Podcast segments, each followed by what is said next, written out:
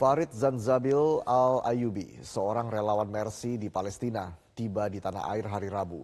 Kementerian Luar Negeri dan KBRI membantu proses evakuasi Farid dari perbatasan Rafah menuju Mesir dikarenakan Israel terus melakukan serangan.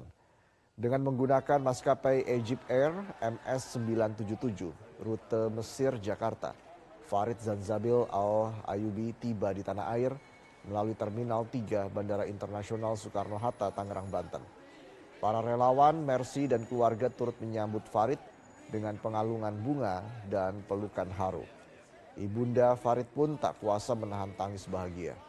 Diketahui Farid sudah empat tahun berdiam di Gaza dan menjadi relawan Mercy di Rumah Sakit Indonesia di Gaza Utara.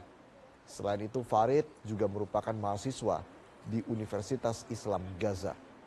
Setelah Rumah Sakit Indonesia di Gaza Utara sudah tidak bisa beroperasi karena diserang Israel, Farid bersama dua rekan relawan lainnya dievakuasi ke wilayah Gaza Selatan di sebuah sekolah dekat rumah sakit Eropa.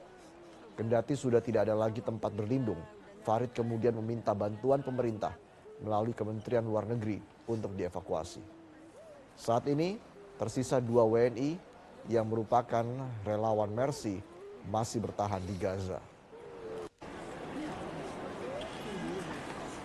Kondisi terakhir sebelum kami dievakuasi memang rumah sakit Indonesia sekitar sudah ada yang hancur, gerbang utama juga sudah hancur dan bahkan di lantai dua dan lantai tiga mereka tembak dengan tank-tank mereka sendiri bahkan sampai mengakibatkan 12 orang seketika itu meninggal. Dan bahkan orang itu itu adalah korban luka-luka yang sebelumnya terkena agresi dari mereka sendiri.